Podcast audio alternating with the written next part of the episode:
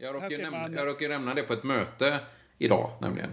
Vadå? jobbet. Att, eh, ja, så du vet, så, så sa han, ja men, så här, ja men jag har fram till, fram till 5-6 och sen ska jag podda och så ska jag käka middag och så här. Han bara, du ska vad? Jaha. Ja, podda. Och så berättade jag om, om äh, rapporter och... Och då var det Var någon som gick in givetvis och kollade. Så, så vi kanske har fått ny publik eller? kan vara så. Härligt. Det är bra. Ja.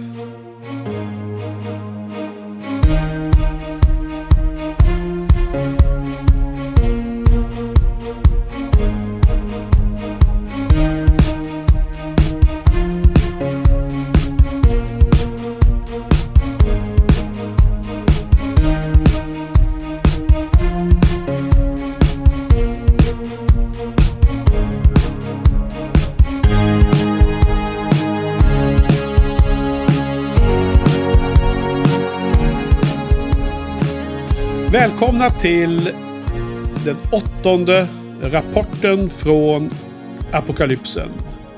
Med mig Henke och vid min sida Patrik. Hallå Patrik! Välkommen! Tjena. Tack så mycket. Hur är läget? Eh, Det gjorde det är väl, eh, det är väl helt okej. Ja, skönt att höra. Dagen före midsommar. Ska Ja. du ut på någon stor fest och stå och eh, kramas och svettas och dansa med vännerna imorgon eller? Ja, precis. Nej, jag följer rekommendationerna och eh, stannar hemma. Och eh, gissningsvis spenderar en stor tid på framför tvn. Mm. Och lyssna på åttonde rapporten då från Apokalypsen också. Självklart. Du, eh, välkommen. Nu kör vi du och jag. Eh, lite variation på eh, besättningen i de här rapporterna. Nästa gång så kanske det blir en helt annan kombo. Eh, och idag så ska vi prata om en film. Eh, filmen heter Miracle Mile. Och är från 1988. Och är regisserad av Steve de Jarnat. Eh, en regissör som jag aldrig har hört namnet på tidigare. Kände Nej. du till den här snubben innan eller? Absolut inte. Men han har ju skrivit den också. Så han är inte bara regissör. Så han- det är hans baby helt. Ja. Okej, så... ehm, och varför har vi då valt den här filmen? Ehm, jo, det är så här att ehm, jag har ju eh, hittat den här eh, filmmusiken till den här filmen på en eh, väldigt cool vinylplatta som släpptes bara för några år sedan då i en reissue med eh, färgad eh, vinyl. Eh, snygg. Eh, häftig. Och det är alltså filmmusiken av Tangerine Dream. Eh, dessa elektronisk, synt, eh, progressiv symfonrock eller vad man ska säga. Som, som kom upp på 70-talet och hållit på i alla dessa år. Och de har gjort jättemycket olika filmmusik, ju, många kända. Men det här anses som en av deras bästa eh, skivor då när det gäller det musikaliska som, som av deras fi, eh, filmmusik. Så jag blev sugen på att se filmen som var bakom denna skiva då. Och sen så eh, kollade jag runt och så var du sugen på att haka på här. Så vad säger du om denna film? Vad, vad kan man säga om The American Mile? Eller eh, den heter bara Miracle Mile ska jag säga, inte The. Nej, precis. Miracle Mile är väl ett eh, område i Los Angeles. Just det. Ehm, ja, apokalypsfilm. Väldigt passande till, eh, till de här rapporterna. Ja, Eh, man borde göra en eh, serie av apokalypsfilmer inom eh, den här poddserien kan man tycka. ja Se vad vi precis. hittar på. Det är en Framöver. idé värd att tänka på, Patrik. Ja, låt oss fundera lite mer på det. Det finns ju ett Ja. antal eh, bra eh, och dåliga ap- apokalypsfilmer. Ja, precis. vi kommer väl till det. Bra och dåliga. Ja, Ehm, precis. Alltså, ursprungligen så visste inte jag att det var en apokalypsfilm. Vilket är lite lustigt i sammanhanget då ju. Ja, precis. Eh, Jag snappade, jag, när, jag kände, när jag började läsa och kände att det här är, det här är jättepassande. Det, Ja. det hoppar vi på. Ja, Och jag gillar ju sånt. eh, Apokalypsfilmer och, och eh, sånt. ja eh, innan jag ska klämma dig på en, för, en högsta high level åsikt om filmen så... Men normalt sett så försöker vi undvika att dra handling allt för mycket. Eh, Men eftersom det här är tämligen okänd film så tänkte man kan säga åtminstone grundpremissen, Patrik. Mm. Och sen får vi ju nämna då att jag menar det, är- det är ju spoil, spoilersnack som vi får eh, leva med här. Så att Det måste ju bli det. ja, det, det är liksom inget kul att prata om en helt okänd film, li, liten film. Och sen inte ens komma in på detaljerna. Nej, Eh, Så att, de, man, får väl, man får väl pausa här och, och se filmen och sen återkomma till podden, tänker jag ja, precis. Jag menar, du, du är ju själv eh, känslig för eh, spoilers. Så att jag tycker att man ska ha all respekt för folk som inte vill eh, gå in och se en film och känna sig spoilad. Så gör exakt så som Patrik sa. Om ni av någon anledning vill se den här filmen. Ehm, så eh, jag menar, vi, vi kommer ge premissen och sen kommer vi kanske säga high level vad man tycker. Och sen kan ni ju pausa och, och välja om ni vill se den och sen återkomma för att höra detaljerna. Eh, eller så kan ni lyssna bara med en gång. Det är fritt fram. det är upp Skönt. till er. Skönt, ja. Precis.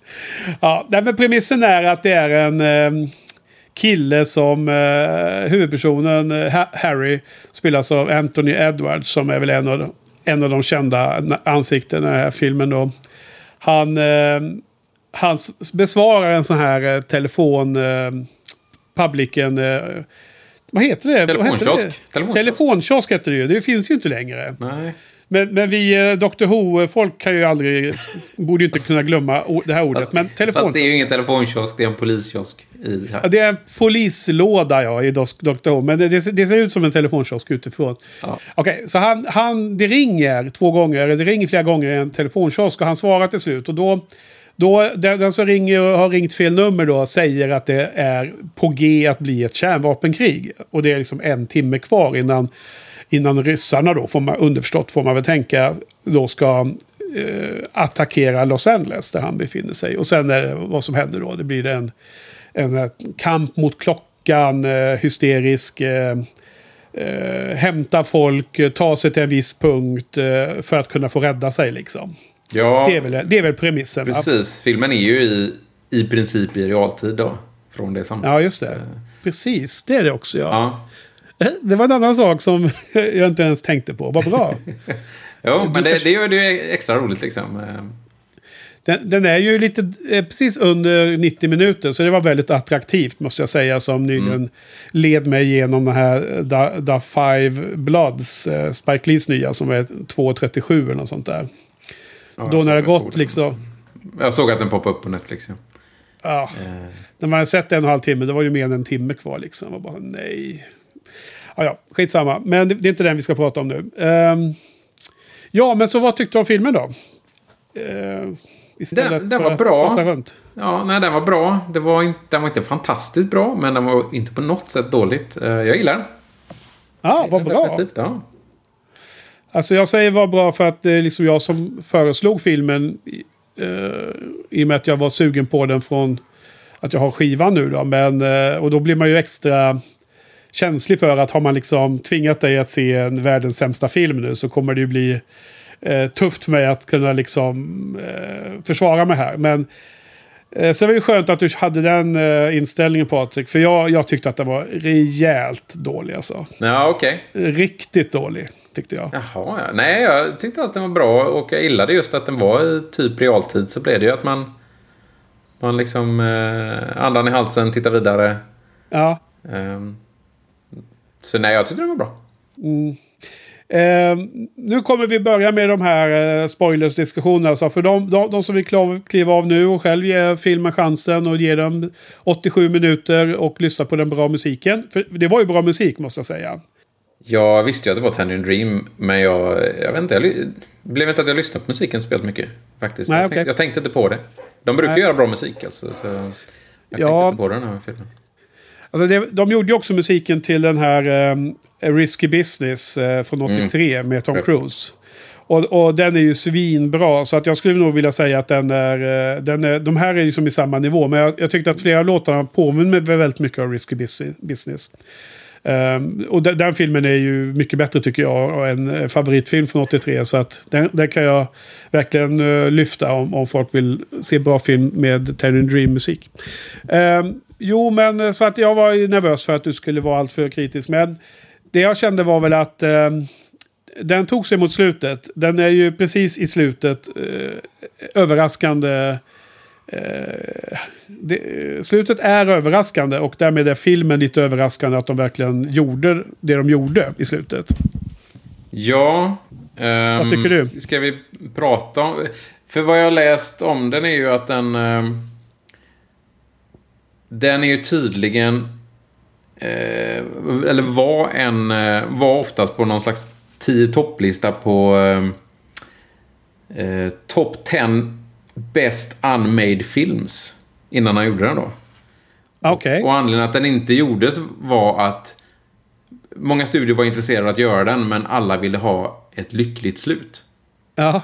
Och det ville ju inte, ville ju inte den här Steve DeJarn. ja, men det är verkligen cred till honom då alltså. Ja, definitivt. Men det, men det som är intressant är, det här visste, det läste jag efteråt, just den biten, men jag satt ju och hoppades på att, att allting bara skulle vara en bluff. Gjorde du? Ja, det gjorde jag. Eh, Men det hade ju inte gjort det till ett lyckligt slut. Om vi nu ska verkligen, nu behöver vi verkligen prata spoiler här, men det eskalerar ju bara mer och mer och mer och folk, fler folk dör långt innan de här missilerna kommer liksom.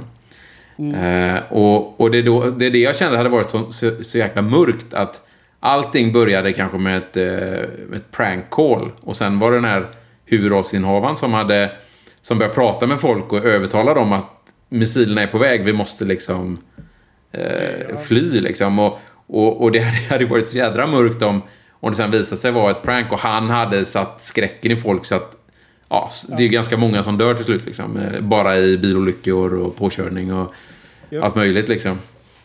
Nej, det håller Jag är inte, jag är, jag är inte missnöjd på slutet. Eh, med slutet, absolut inte. Eh, men jag är nyfiken på hur det hade gått om man hade, man hade gjort det så då. Jag tror att Ja. studierna som vill ha ett lyckligt slut hade ju... Då hade det ju inte varit så många döda då, så det är, ju- det är ju inte det slutet eh, som är ute efter det. Utan alla de här döda, fast sen visar det sig att nej, de kommer inte liksom. Vad har jag gjort? Ja. Vad har jag gjort? Liksom? Ja, nej, men det, är- det är en, en eh, kul variant på eh, så dramatiskt och, och mörkt slut som det blev. Ehm, och för övrigt så den eh, fasen där när, all, när det blir kaos och alla börjar eh, bli förvildade och alla liksom eh, ingen... Eh, ja, alla, folk dödar varandra hejvilt och, och börjar lota olika butiker och sådana saker. Jag menar, det är lustigt för att man ser ju det på, på eh, tv nu. Liksom, från, eh, I USA och så, jag tänker på den här eh, eh, fria zonen i eh, downtown i Seattle och sådana saker. Liksom. Det, det är lite så här eh, flykten från New York-känsla över det här. Liksom. Både i den här filmen vi såg nu men också det man ser på nyheterna från USA. Vilket Ja, är lite lätt bisarrt.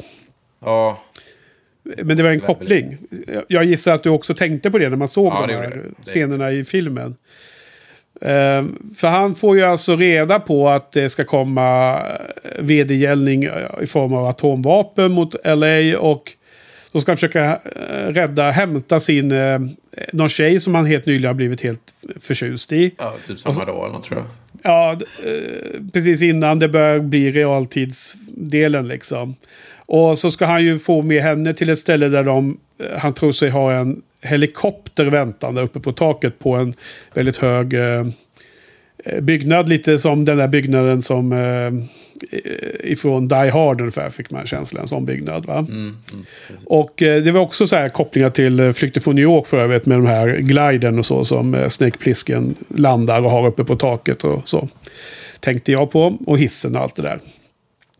Men, Ja. men sen så blir det ju panik. Liksom de, de, han hittar inte en pilot och sen måste han hämta något annat. Och det är hela tiden någonting som skiter sig. Så han måste hela tiden springa iväg och göra något mer. Och sen har flickvännen flyttat på sig. Då måste han springa ut igen och leta efter henne och så vidare. Så det är så här, det är så stressmoment hela tiden. Det är hela tiden så korkade beslut som gör att han måste hämta något till. Liksom.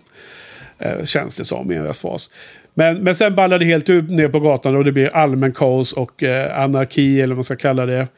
Och, och för de då som inte kommer att orka se filmen och ändå vill hänga med i diskussionen så kan vi väl bara berätta att han och flickvännen och någon mer kom iväg i den här helikoptern till slut. Precis ungefär när missilerna verkligen kommer. Det kommer väl tre stora missiler in mot LA. Ja, precis. Och sen så flyger de och kraschar som jag uppfattade mer eller mindre från eh, eh, tryckvågen. Va? Ja, precis. Eh, Och sen- piloten dör och de hamnar i en tar pit på zooet som de har varit på tidigare på dagen. Ja, filmen börjar och slutar på La Breas eh, Tar Pit då. Ja, Eh, eh, Ett ställe nu i, i centrala... har du varit där eller? Ja, där har jag varit. Jag kände Ja. igen mig. I början av filmen kände jag, jag kände direkt, det där är ju Brea. Ja, ja, vad kul. För jag, har nog, jag har aldrig varit på det, just det stället. Men, så de, de är alltså instängda i, inne i helikoptern och den håller på att sjunka. Så att Mm. de kommer snart ehm, drunkna. Och hon, eh, tjejen försöker öppna dörren för att kunna rädda sig ut. Men han säger bara att det är värre där ute ungefär. Och man ser att Ja. det glöder utifrån. Va? Jag tror att man, det är en specialeffekt som gör att man ska se att det ska vara den här eh, ja, elden. Liksom. Ja, allting är borta utanför liksom, så det är ingen. Ja, och, eh, och sen är det bara klipp. Så är det bara... Ja, eh, men precis. De, precis, de, de pratar ju om att eh, ja, om eh, typ 10 000 år kanske någon hittar våra kroppar här då, precis som de drar upp mammutar och grejer ur den här idag då. Eh, och sen så eh, nämner de väl att eh, eh, hoppas att det slår ner ett direkt träff precis över oss så går det snabbt liksom eller någonting. ja, Och filmen, han- slut, det, ja. filmen slutar ju med det. Den blir väl svart och sen hör man liksom den här explosionen då. Så man kan anta att det, det skedde just. Ja, så, så att jag, eh, jag sa- satt inte och hoppades på det mörka slutet som du beskrev, vilket hade också varit lite coolt att det var inget, ingen attack. Men, men jag, jag satt och tänkte att de flesta filmer där man ska... Un, som det är en, eh, alltså, en tid som man måste, man måste hinna med någonting och det är det här stressmomentet. Då är det oftast att de lyckas ju på något sätt. Det är något sätt att lösa problemet. Det är liksom det vanliga. Man är, man nästan liksom lite uttråkad av att det blir alltid någon eh, mer eller mindre osannolik sätt som de har löst problemet i slutet. Mm. Ja, det var Så skönt ändå. Så, så att när det var så att det var, faktiskt var sant det han hade hört i telefonsamtalet som han, han, han av misstag fick ta då för att det var felringt. Det, äh, det, det låg i luften hela filmen igenom att det inte skulle vara en sanning. Eh, vilket hade lett till det slutet som du satt och tänkte på lite. Ja, det var ju lite så. Man visste inte hundra om det verkligen stämde eller inte stämde. Men, och det var gav ju en extra nerv i filmen tyckte jag. Jag gillade det.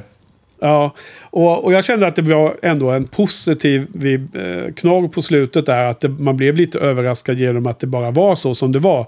Istället för att det skulle bli en sån här nästan eh, Deus ex machina lösning på allting. Och så skulle alla vara lyckliga liksom. Mm. Ja, den, Eh, den hade varit rolig.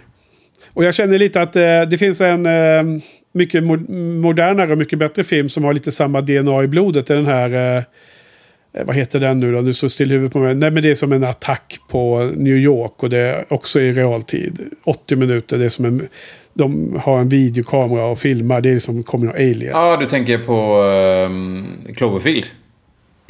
Mm. Och den är ju så himla cool just för att det är liksom... Jag älskar den. Den är fantastiskt Ja. bra film. Jag har sett den många gånger. Och det är lite samma stuk att det går i realtid. I det fallet är det också via den här handhållna videokameran. Liksom, Mm. Som har en 80 minuters kassett i sig. Liksom, du vet, man ser början och, och slutet är ju liksom från det, det som var inspelat innan. Innan, ja, liksom. precis. Det är så jävla bra tycker jag. Ja, Så det, det, det är lite samma vibe runt det här hur de liksom inte duckar för det hemska liksom om man säger så. Mm, mm, mm. Ja, ja eh, okej, men det, som vanligt när man poddar, Patrik, men vi konstaterade precis innan vi drog igång här att det är första gången vi, vi poddar om film nu, men förhoppningsvis ska det inte vara sista gången. Vi kan ju ha anledning att eh, återkomma till både den här säsongen och andra med fler filmdiskussioner. Så som vanligt eh, så ser man nya saker av filmen som man inte tänkte på när man själv satt och såg. Så det är jättekul att få den här breddningen av, av, av filmen via dina ögon här. Så du har redan lyft några saker som jag inte ens tänkte på själv. Eh, så det är allmänt sett bra, kul att du gillar den mer. Eh, Mm. Men jag måste ju eh, kritisera det som jag inte tyckte var så bra. Eh, jag tycker Anthony Edwards är ju ganska kul. Och han var väl helt okej i den här filmen också. Och, och han är ju känd för att han var ju en av huvudpersonerna i den här Cityakuten tror jag den hette va? I ER, den långa tv-serien.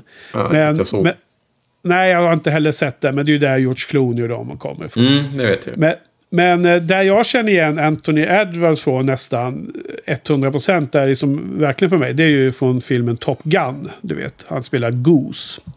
Spelar ju den här... Goose? Ja, Tänkte han, jag han, inte ens som, på. han han som sitter bakom... Ja, ja, ja, klart alla vet vem en Goose är. Goose är. Ja, han är ju en cool, här, härlig, härlig Ja, person ja, i ja, den ja. filmen. Eh, På. Ja, så han, eh, han finns i lite olika filmer. Så han var väl okej. Men det jag hade det stora problemet med det var ju hon som spelar flickvännen då. Som heter Julie här. Och skådespelerskan heter Mare Winningham. Och Ja, hon är ju så dålig så att hon har inte varit med så himla mycket. Men där hon eh, var med och känns som att liksom hon var, kanske var på väg upp men sen så har det inte blivit något av hennes karriär. Det var ju att hon var ju med i den här fantastiska eh, Brat Pack-filmen Sankt Elmos Fire från 1985. Och där spelar hon ju den mesiga och tråkiga tjejen. mm, mm. Hon är ju mesig och tråkig fortfarande nu ju. Eller? ja, jag vet inte. Jag tyckte väl hon var helt okej. Jaha. Um, tyckte jag läste någonstans att de tyckte, nja, hon var helt okej. Jag tyckte inte det var någon som verkligen stod ut. Um, Nej. Det var väl inga, det är ju inga A-kändisar direkt i, i någon av rollerna. Det är några andra man känner igen också, men eh, Ja. helt okej. Nej, det, det känns som att han, regissören, fick liksom skrapa ihop liksom eh, det bästa han kunde få för den budget han hade där, va? Mm. 88. Ehm, För, för några till känner man ju ändå igen, tycker jag. ja, berätta. Uh, ja, innan jag går på den som är verkligen nummer ett för mig så hade väl, det var väl han som spelar kock. Som, Han var ju med i Robocop-filmerna. Som uh, Ah, okej. sergeant, uh, ja, polissergeant. då. Ja, Han känner man ju igen. just det. Men du är ju nog bättre på Robocop-filmen än vad jag är. Finns ja, det flera? Ja, det finns flera, men det är ju bara en man behöver se. Det är den Ja, första. Okej, ja. Paul Verhovens uh, första. Det är ju den. ja. Behöver inte se de andra. Nej. Ehm, Men sen den som verkligen för mig då är den största, det är ju Denise Crosby då. Hon, eh, som en gammal tracker, tracker så... eh, Hon är ju Tasha Yar från eh, Next Generation. Nu måste du prata långsammare. Jag, jag förstår ingenting. Det bara, det bara låter som... Det är bara science fiction.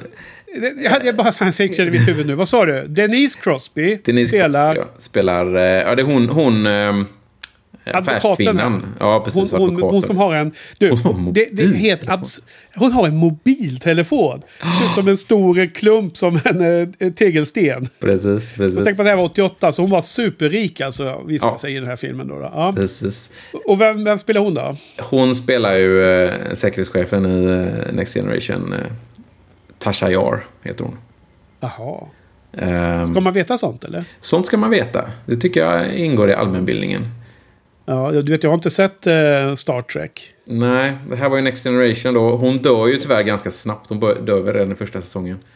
Eh, Men däremot så kommer hon tillbaka i några avsnitt sådär, som, man, som man kan göra i science fiction. Eh, Men hon var, hon var en, en favorit eh, i den tv-serien. Alltid Okej. kul hon kommer tillbaka. Så minus en minut. Spoilers på Next Generation av eh, The Spoil fa- Father himself. Ja, precis. Eh, Men ja, jag tror inte man börjar se på Next Generation nu om man, Nej. har intresset redan. Men man eh, slutar när den serien börjar för man vet att re- redan nu att hon kommer dö.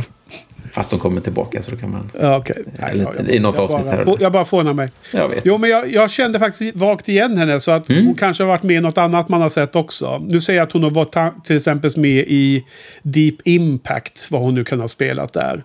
Men Mm, eh, hon är inte helt okänd skådis helt enkelt. Nej. Jaha, hon var de- dessutom gäst i ett avsnitt på Castle och det har man ju sett allt. Så då har jag sett henne där också. Ja, Det ser jag man. kommer inte ihåg, men så är det säkert. Ja. Ja. Eh, Okej, ja men det var ju bra. Ehm, det var ju hela film... ehm, handlingen i filmen tar ju fart eh, mitt i natten och sen utspelar sig en timme framåt ungefär. Och då är han ju på en sån där eh, eh, diner som är öppet dygnet runt. Och det är utanför den som den här, eh, vad heter det nu då, telefonkiosken stod. Telefonkiosken, ja. Ja, och där inne var det ganska... Alla som var där inne var ju ganska lustiga. Det var ju som en sån liten eh, lustig scen med olika figurer som var vakna klockan fyra på natten. Ja, och alla var olika. Och det, jag, fick, jag fick ju känslan av att ja, okej, nu, ska vi, nu ska vi följa alla de här konstiga karaktärerna och så ska de interagera. Och, Ja. och göra en, någonting i filmen. Men så var det ju inte riktigt. De försvann. Nej, så blir det inte heller riktigt. De, de spreds ganska snabbt för vinden och var, blev eh, på olika sätt... Ja, men det var lite, påminner lite om den här filmen Tangerine som eh, gick för några år sedan. Som var inspelad med bara en eh, iPhone. Mm. Eh, som följde några transvestiter i Los Angeles eh, på, på julafton eller något liknande. Eh, som var väldigt cool eh, känsla i filmen. En sån, eh, bara här och nu. Det var inte som handlingen fanns inte så mycket utan det var bara eh, feelingen, känslan den gav. Härliga färger och väldigt varmt såg det ut som och så. Tror inte jag sett Ja. den. Jag har läst en recension om den tror jag, men jag tror inte jag har sett filmen. Ja, äh, den, ju, den kom ju inte upp på någon topplista det året för mig. Då, då. Eh, han som gjorde den eh, gjorde ju senare en film som hette... Eh, så är det still i huvudet på mig. Men han gjorde en jättebra andra film som jag skulle vilja rekommendera. Om jag, om jag kan hitta namnet på den. Men du, du prata, prata lite mer ska jag slå upp här. Ja, jag kan ju nämna Dinern heter ju Fat Boy. Så det är ju en... eh, Det är ju en, en, en, det? en nickning till eh, de två första atombomberna som användes av... Ja, just det. Men det Fat, hette Fat, de... Man, Fat Man och Little Boy heter ju de. Så Just det. slog det de väl ihop det. En kombo där ja. Ja. Just Det, det, måste ju vara, det måste ju vara... Jag kan inte tänka mig att det är något annat än eh, en nickning till, till de namnen. Just det, en liten eh, spaning där. Och eh, där har jag för övrigt, det är ju Los Alamos där min eh, kompis eh, docenten Anders jobbar. Så jag har varit på museum där eh, och tittat på dem. Eller Ja, inte okej. på dem, Nej, inte på dem, men på attrapper som föreställer dem. Så man ser hur de såg ut. Ja, Eh. Åter till eh, Tangerine, Dream, alltså Tangerine eh, filmen 2015. Den är ju gjord av eh, Sean Baker heter ju han. Och han har Och sen gjorde han ju då The Florida Project som var en Ja. fantastisk film. Men det var väl den med någon, på något motell. Utspelas på något motell va? Eh, ett mot slitet motell i utkanten av eh, Disney World i, Ja. i Florida. Precis. Och eh, där eh, massa folk som inte har det jättegott ställt ekonomiskt. Eh, och så är det en sån liten eklektisk samling människor man får följa. Eh, med lite okända skådisar och sen Wilhelm Dafoe som spelar den eh, så här, eh, han som Ja, sköter alltså, ja, precis. precis. Eh, med stort hjärta. Har, har, du sett den rackarnsfilmen? Den har jag sett. Ja, visst är den bra? Den var bra. Den var bra. The Jag gissar Project. att du gav den fem av fem på din blogg. Det är mycket möjligt för det är en sån här film som man kan bli helt uppfylld av och verkligen, eh, verkligen eh, slår i taket på alla, alla cylindrar, alla olika mätvärden. Så det, den, den gav jag säkert 5 av 5. Mm, Jag brukar ju Ja, se alla, alla filmer du ger fem av fem brukar jag faktiskt se. För du har ju, du har ju oftast eh, ganska bra smak. Ja, ja, ja, tackar, tackar. Ja, nej, det Och den filmen var stort, bra. Så det, det var helt Stort, stort ansvar där, men... Ja, eh, det är lustigt där. En del av eh, bloggkompisarna är ju jätte försiktiga med att dela ut 5 av 5 och har fär, lägre procent eh, än vad jag har, helt klart. Men du och jag, med, med, Nej, precis. Jag försöker ändå vara ganska restriktiv för att det ska vara något extra. Eh, och jag tror att jag ligger på... Hur var det nu? Jag kollade hur många femmor jag hade av alla jag publicerat. Jag tror att om det var 6 eller 8 procent, jag kommer inte ihåg. Men det var ungefär där det var. Men det brukar väl vara en... Du brukar väl ha en fyra, fem, sex per år eller något, eller? Ja, max alltså. Ja, max precis. 6. Så det är ju inte mycket du ger. Nej, det är inte mycket. Och eh, speciellt om man tänker på att man de senaste åren har gjort en del sådana här eh, filmprojekt som har handlat om att se om sina absoluta favoritfilmer. Eh, och då är det ju per, då blir det ju så att det blir femmer då. Jo. Förutom de som har eh, stagnerat och inte överlevt tidens tand och inte känns lika bra längre. De får ju lägre. Ja, nej men The Florida Project var då ett tips. Eh, och hans tidigare film Tangerine var lite samma känsla som en del av eh, den här. Miracle In, Mile. precis. Ingen av dem är apokalypsfilmer dock, kan man ju... Nej, det är inte de. Nej. Ni får vänta efteråt innan ni ser dem. Ja. Ja, men det var ju en kul idé du hade där om att i, vi rapporter från apokalypsen kanske skulle ha lite spaning på apokalypsfilmer. Vilken, eh, vilken eh, fantastisk eh, kombo och, och tydlig tematisk grej där. Men nu gäller det att hitta, hitta bra eller åtminstone intressanta apokalypsfilmer. Mm. Mm. Hur det nu uttalas. Apokalypsfilmer. Apokalypsfilmer. Ja. Får kolla upp det. Jag menar, det, jag, jag har lite svårt att ens komma på några lite snabbt. Eh, Men jag gissar ju att det finns ganska många om man väl börjar grotta i, i subgenren va? Ja, vad tror du? det måste finnas en hel del. Eh, definitivt. Och vad man sätter in det som, om man, om man pratar själva apokalypsen som sådan, när det sker, och sen kan man ju även ha just dystrop, dystopiska framtider, ett av mina favoritämnen. Även om vi kanske mer ska prata om själva när det händer eller sånt. Ja. Annars, annars kan ju slänga in Mad Max och sådana filmer också menar jag, men eh, Ja, då går man exakt. lite utanför. Jag vet inte. Dystopiska framtider gillar jag också. Men Mm. eh, det, det känns som en eh, närbesläktad eh, sibling till den här, den här subgenren. Precis. Det är lite före och efter eventet va? Mm, precis. Ja. ja, men det var ju en kul idé. Låt oss titta på det så kan vi ju, jag ser gärna mer filmer. Eh, lättare att komma till skott och se en film om man får en spark i baken. Eh, jag vet inte hur det har funkat för dig Patrik. Eh, jag tror vi har snackat om det här kanske tidigare. Men eh, hur är det nu under eh, apokalypstiden vi lever i nu? Se, ser du lika mycket film som vanligt? Eh, eller hur jobbar du där hemma? Um, jo, jag, jag, jag tror inte det är någon förändring. Varken mer eller färre, fler eller färre. Eh, jag jobbar så jäkla mycket nu när jag jobbar hemifrån. Uh, passerat tre månader inser jag. eh, Ja. med, hemifrån. Och jag jobbar så mycket så jag, det är väl där som tiden har gått. Jag slipper ju åka till och från jobbet i och för sig. Och det är väl, eh, så, så att jag får inte mer tid för att titta på grejer. Det, det får jag ju inte. Det blir Nej. ungefär lika mycket. Jag, jag går ju inte på bio eller något givetvis men eh, det finns ju mycket annat jag inte gör heller. Så då har man ju... Då skulle man kunna... Jag läser nog mer faktiskt. Eh, Jag läser mycket innan men jag läser nog Mm. lite mer nu. Alltså det, det som hänt mig är att jag inte känner mig sugen på film på samma sätt. För att jag tror att jag har, jag har använt min tid när jag tittar på film och även tv-serier till viss del som en slags eh, avslappning och att nu, nu är dagen... Nu har man gjort allting med jobb och annat som man ska göra den dagen. Så att det är en gratifikation, en känsla av att nu, nu ska jag ha lite en, en schysst film. Det är en viss känsla i kroppen. Men sen de här, eh, för jag har också jobbat hemma nu sen i början på mars. Och det är över tre månader därmed. Snart tre och en halv, eller över tre och en halv är det. Att jag liksom känner aldrig att jag riktigt slappnar av tror jag. Jag tror att det är anledningen till att jag inte riktigt kommer i den state of mind att ja men vad skönt att sätta sig ner och se en film nu. Jag kommer inte till den, eh, den känslan. Det är lite om man jämför med när man pluggade i Uppsala. Att man hade alltid mer att göra. Man kunde aldrig vara helt ledig. För att du hade alltid mer att plugga om du, om du Mm, mm, mm. om du bara orkar liksom. Så var, varje gång man, man tog ledigt så hade man lite dåligt samvete i bakhuvudet för att man borde egentligen plugga mer för att det är en tenta som kommer snart. Mm. Och det, själv, den, eh, det kan vara något liknande tror jag. Så jag, jag, har, jag har dragit ner så jag ser kanske en film i veckan max. Och, och istället har jag sett lite på tv-serier faktiskt. För det, det är som en mindre commitment. Man, man kan se en 45 minuters avsnitt. Det, det är enklare liksom. Ja, jag ser mycket mer på tv-serier än vad jag ser på filmer. Så är det ju.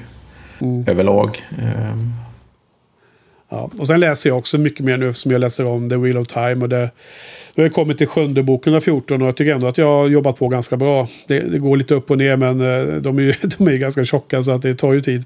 Mm. Du har ingen uppdatering på den tv-serien? Ja, tack för att du frågar. Uh, ärligt, ärligt talat o, o, eh, oplanerat. Jag hade inte uh, preppat dig med detta. Eh, jag hade glömt att preppa dig om att ställa den här frågan. Så tack för den ändå. Ja, jag visste, jag visste du skulle smyga in det på något sätt ändå, så jag kan lika Ja. fråga. Nej, men eh, det senaste som kom ut på Twitter var väl att de nu eh, i Tjeckien när man spelar in tills alla åkte hem. Har man nu på någon Facebook-sida för sådana som är statister sagt att nu ska det börja spelas in igen i slutet på juli. Så att de statisterna som var med när de spelade in, ja, tills de fick åka hem då, när det nu var i mars eller vad det var, ska vara redo igen liksom. Man vill ha samma. Och eh, jag tror att det är andra som har konfirmerat detta. Att eh, någon av de kända, en av de huvud, huvudpersonsinnehavarna har också konfirmerat att det är, det är på G nu i jul, slutet på juli, augusti. Och eh, men eftersom de har folk från hela världen så gissar jag att det finns ett logistiskt problem här. Men alla olika länder som har olika kar eh, karantänsregler och sånt. Och det är USA, Europa, de har folk från Korea, Australien, Nya Zeeland och så vidare. Så att det blir väl en härke med det. Men de har ungefär, eh, de har väl i princip gjort klart de sex första avsnitten när det gäller shooting. De kanske har lite kvar på några, men så har de två avsnitt kvar för säsong ett. Och sen så spekuleras det i att de ska göra säsong två direkt nu då. För att liksom jobba ikapp lite. Mm, det jag hört. Uh, och jag tycker att det andra jag kan säga som jag inte har nämnt på den här podden i alla fall. Det är väl att man ser mer och mer att det liksom verkar vara, vara klart att det är 2021 som uh, det ska ha premiär.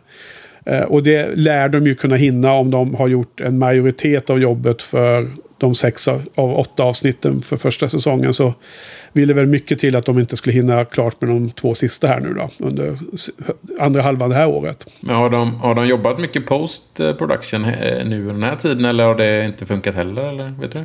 Ja, de har gjort allt som går att göra och jobba hemma. Det var ju en intervju med han som är showrunner, Rafe Judkins. Och han, eh, han vill ju se the silver lining. Det finns ju alltid två sidor av myntet. Och fördelen var ju att han kunde jobba Uh, jätteintensivt med post production på det de hade filmat. Och att de hade jobbat med manus för säsong två. Under den här breaken. Då när man var hemma i LA igen. De flesta av dem. Så uh, det är superspännande. Uh, det är 2021 då. Man får, man får försöka hålla sig vid liv tills nästa år. Så får man se första säsongen i alla fall. Precis. Mm. Något att se fram emot. Ja. Sen var ju också han som spelar Lan. Eh, det är ju han Daniel Henney. Vet du vem det är? Inte på namnet. Eh, han spelar ju... Jag måste slå på det. Eh, ska vi se här. Eh, han, eh, han var tydligen med X-Men Origins Wolverine, men jag vet inte vad. Men han, han är ju mest känd för den här tv-serien Criminal Minds. Han spelar Matt Simmons så är en eh, amerikan med koreansk eh, ursprung och eh, familjen då. Och eh, ganska badass kille, alltså martial arts kille. Mm. Han spelar eh, den, eh, den största, den, den coolaste krigaren om man säger så i Wheel of Time. Och han hade en sån här Q&A på sin Instagram-feed. Och det var så fascinerande att se honom. Han, han, han beskrev ju att han hade varit väldigt mycket eh, med action i olika filmer och tv-serier. Och han eh, tränar ju martial arts även privat och så. Och har, har eh, kompetenser. Men sen när han läste vad de skulle göra i Wheel of Time eh, på manus. Då var han liksom osäker på om det skulle gå att pull it off då. Men så hade de ju, ja det hade ju gått då förstås. Eh, men eh, det höjer ju varje sån här uh, intervju och annat när de är så lyriska över det här content liksom. Höjer ju ens förväntningar ett snäpp varje gång. Ja, så nu, nu, kan ju, nu kommer ju, det kommer ju aldrig hända att förväntningarna är på en rimlig nivå Patrik. Hur Nej, ska det gå? För dig, Hur ska för det dig, gå? Ja, för dig är det ja. Spelar han en kille som heter Allan? Alltså. Nej, Allan. Lan. Lan. L-A-N. Allan står det på IMDB. A-L-L-A-N. Allan. Ja, just det. Ja, precis. Det är någon, någon, form av prefix där i det här påhittade... Eh, alltså, Allan, ja. Allan. Allan.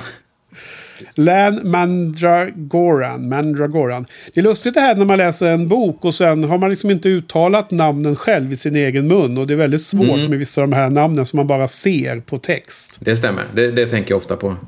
Man, ja. alltså, man har inte uttalat dem själv liksom. Det... Nej. Ja, men du läste väl en hel del fantasy också, även om jag tror att science fiction är din eh, huvudsakliga genre? Ja, va? det är inte mycket fantasy längre, men eh, lite har man väl läst. Ja.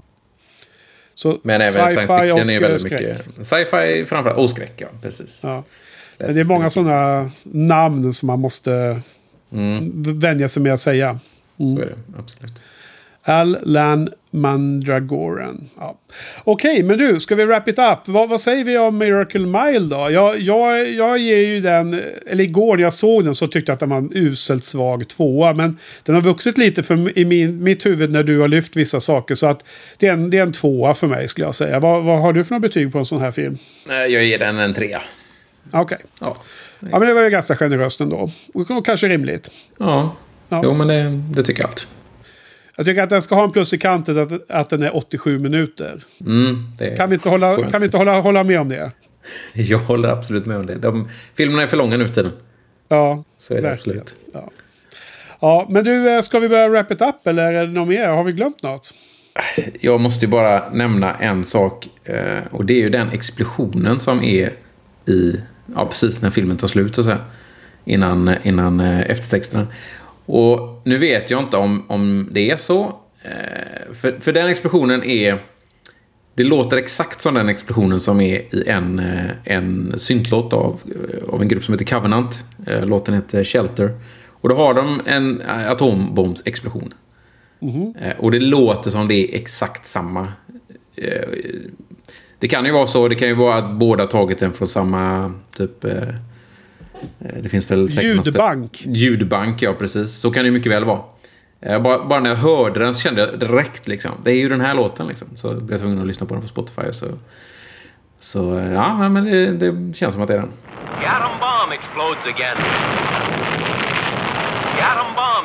Men du har inte sökt på nätet efter en koppling? Jag har sökt, men jag har inte hittat tyvärr. Jag har inte hittat någonting där.